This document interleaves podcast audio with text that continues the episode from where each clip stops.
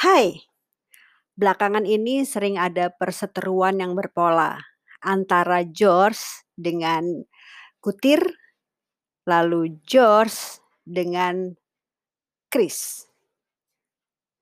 Eee, suka juga sih antara Chris dengan Kutir.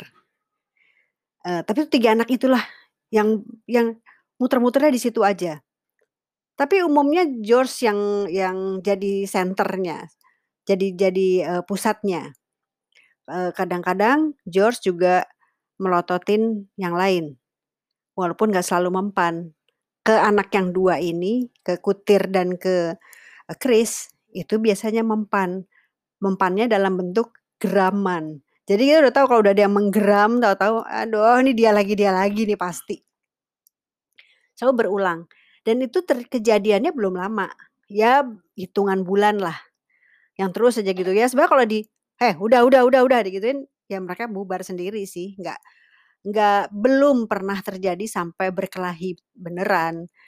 Tapi yang sampai gereng-gerengan dan makin lama makin naik makin naik makin naik itu ya pernah gitu. Sampai kemudian kami memer memergoki dan menghentikannya hanya dengan sekali, 2 kali hardik lah, habis itu selesai. Saya mikir-mikir, "Ini apaan sih ini sebabnya nih?" Eee, kemarin-kemarin juga nggak apa-apa, kemarin-kemarin tuh nggak apa-apa loh berdamai, orang mereka bersaudara gitu ya, baik-baik aja gitu, dari dulu juga baik-baik aja, kenapa sih? Dugaan saya adalah si George lagi pengen jadi penguasa. Dia lagi pengen karena kan di di studio itu tidak ada yang jadi jagoannya, nggak ada, semuanya rata-rata lah sama. Kalau dulu kan kalau misalnya ada si Clooney, Clooney itu jagoannya, merek dia itu sangat sangat alfa dan yang lain gentar sama dia gitu, nggak ada yang mau ganggu lah gitu. Eee, di bawah juga ada yang jagoannya, tapi di studio tuh nggak ada, nggak ada jagoan. Ada yang kami anggap jagoan ya si, eee, Enzo, tapi Enzo itu adalah jagoan raja yang baik hati lah kira-kira gitu. Tidak pernah attack, tidak pernah tidak pernah mengganggu, tidak pernah diganggu, ya dia tuh yang yang yang marahin dia tuh cuman ibu-ibu. Ibu-ibu lagi rese aja, lagi lagi serusuh gitu, baru itu yang marahin dia tuh itu. Dan itu kan berarti kan nggak tiap-tiap, kalau lagi bad mood aja baru kalau ada betina yang bad mood aja baru marahin dia, tapi kalau enggak ya nggak ada, dia baik-baik aja.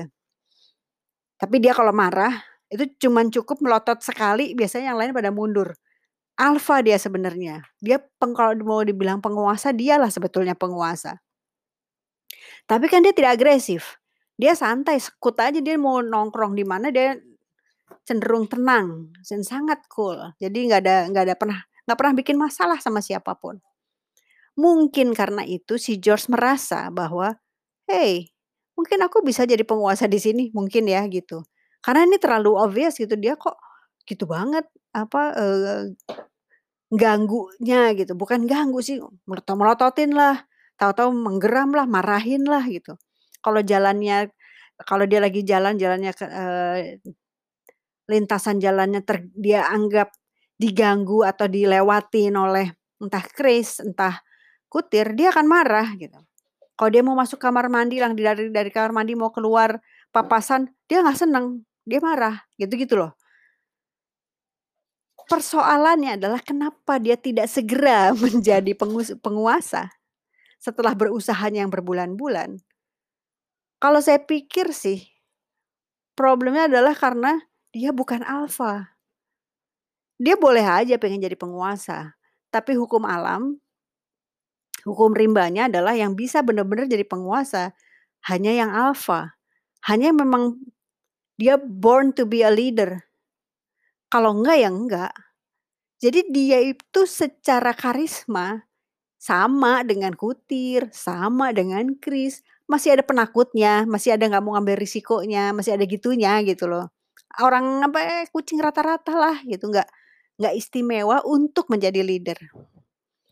Dan kalau, eee, dan dengan kecerdasan juga rata-rata gitu, jadi nggak bukan yang bisa ngambil bikin strategi, kan ada di sini ada anak-anak yang bisa ngambil strategi gitu, "Oke, kalau gue mau ke sini, gue mesti gini-gini," gitu.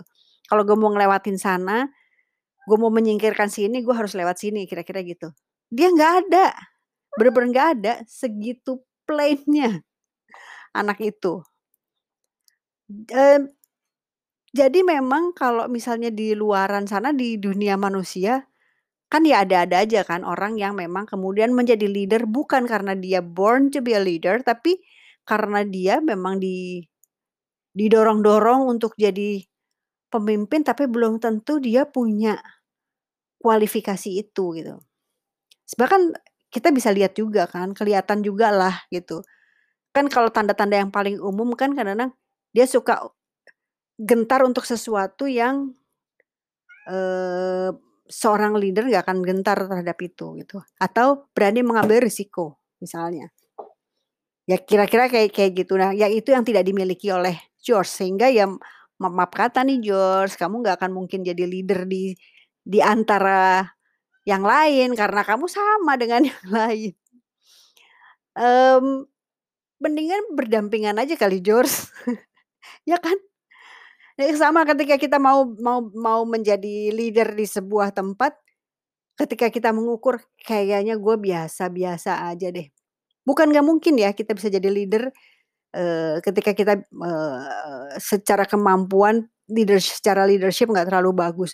Saya pernah ada di situ, saya secara leadership nggak bagus, tapi kemudian karena karena dianggapnya nggak ada yang lain, padahal belum tentu, saya disuruh jadi leader di situ, ya bisa tapi nggak optimal nggak optimal dan dan semua pihak menjadi menjadi bete gitu, sayanya bete, orang-orang yang di bawah saya juga bete gitu, "Ini orang bisa nggak sih?" Gitu, kira-kira gitulah. Dan itu itu adalah situasi yang tidak enak, tidak menyenangkan. Padahal hidup buat apa sih? Buat senang-senang kan? Buat happy kan? Ya kira-kira gitu sih. Selalu ada hal besar di balik hal kecil, atau hal kecil yang dibesar-besarkan. Selamat hari ini, bye.